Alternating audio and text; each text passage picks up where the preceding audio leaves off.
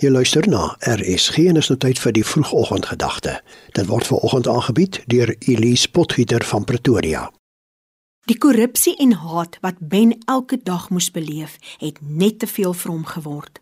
Hy kon nie meer die onreg waarin sy mense onderwerp was verdra nie. Iewers moet daar tog 'n plek wees waar geregtigheid bestaan. Nag na nag het hy gedroom van 'n stad waar mense in vrede woon, die stad van God. Eendag kondig hy aan dat hy nie langer kan wag dat dinge in sy dorpie moet verander nie. Hy het sy vrou en kind gegroet, sy bondeltjie klere en bietjie kos gevat en toe te voet vertrek op soek na die volmaakte stad. Hy het gestap tot dit donker word.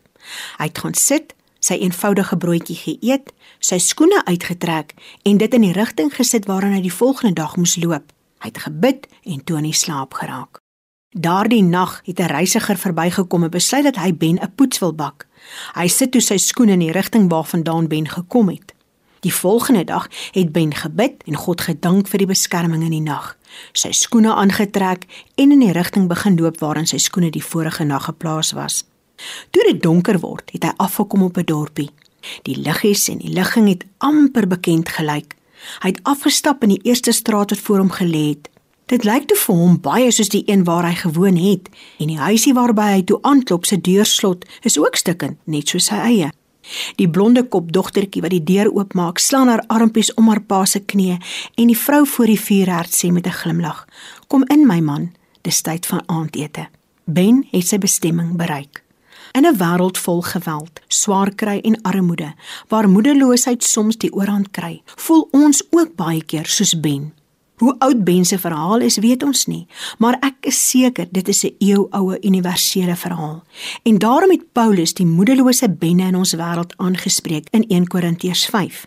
Hy spreek die Korintiërs aan oor hulle morele en etiese gedrag en dan sê hy: "In my vorige brief het ek aan julle geskrywe om nie met mense om te gaan wat in onsedelikheid leef nie, maar daarmee het ek glad nie die onsedelikes of die geldgieriges of die bedrieërs of die afgodienaars van hierdie wêreld bedoel nie, want om hulle te vermy sou julle uit die wêreld moes pad gee."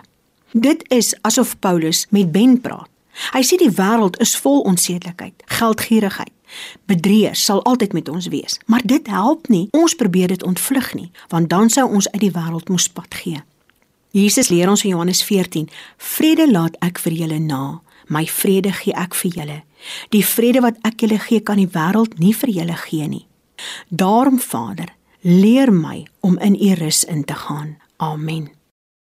Dit was dan die vroegoggendgedagte hier op RSG, aangebied deur Elise Potgieter van Pretoria.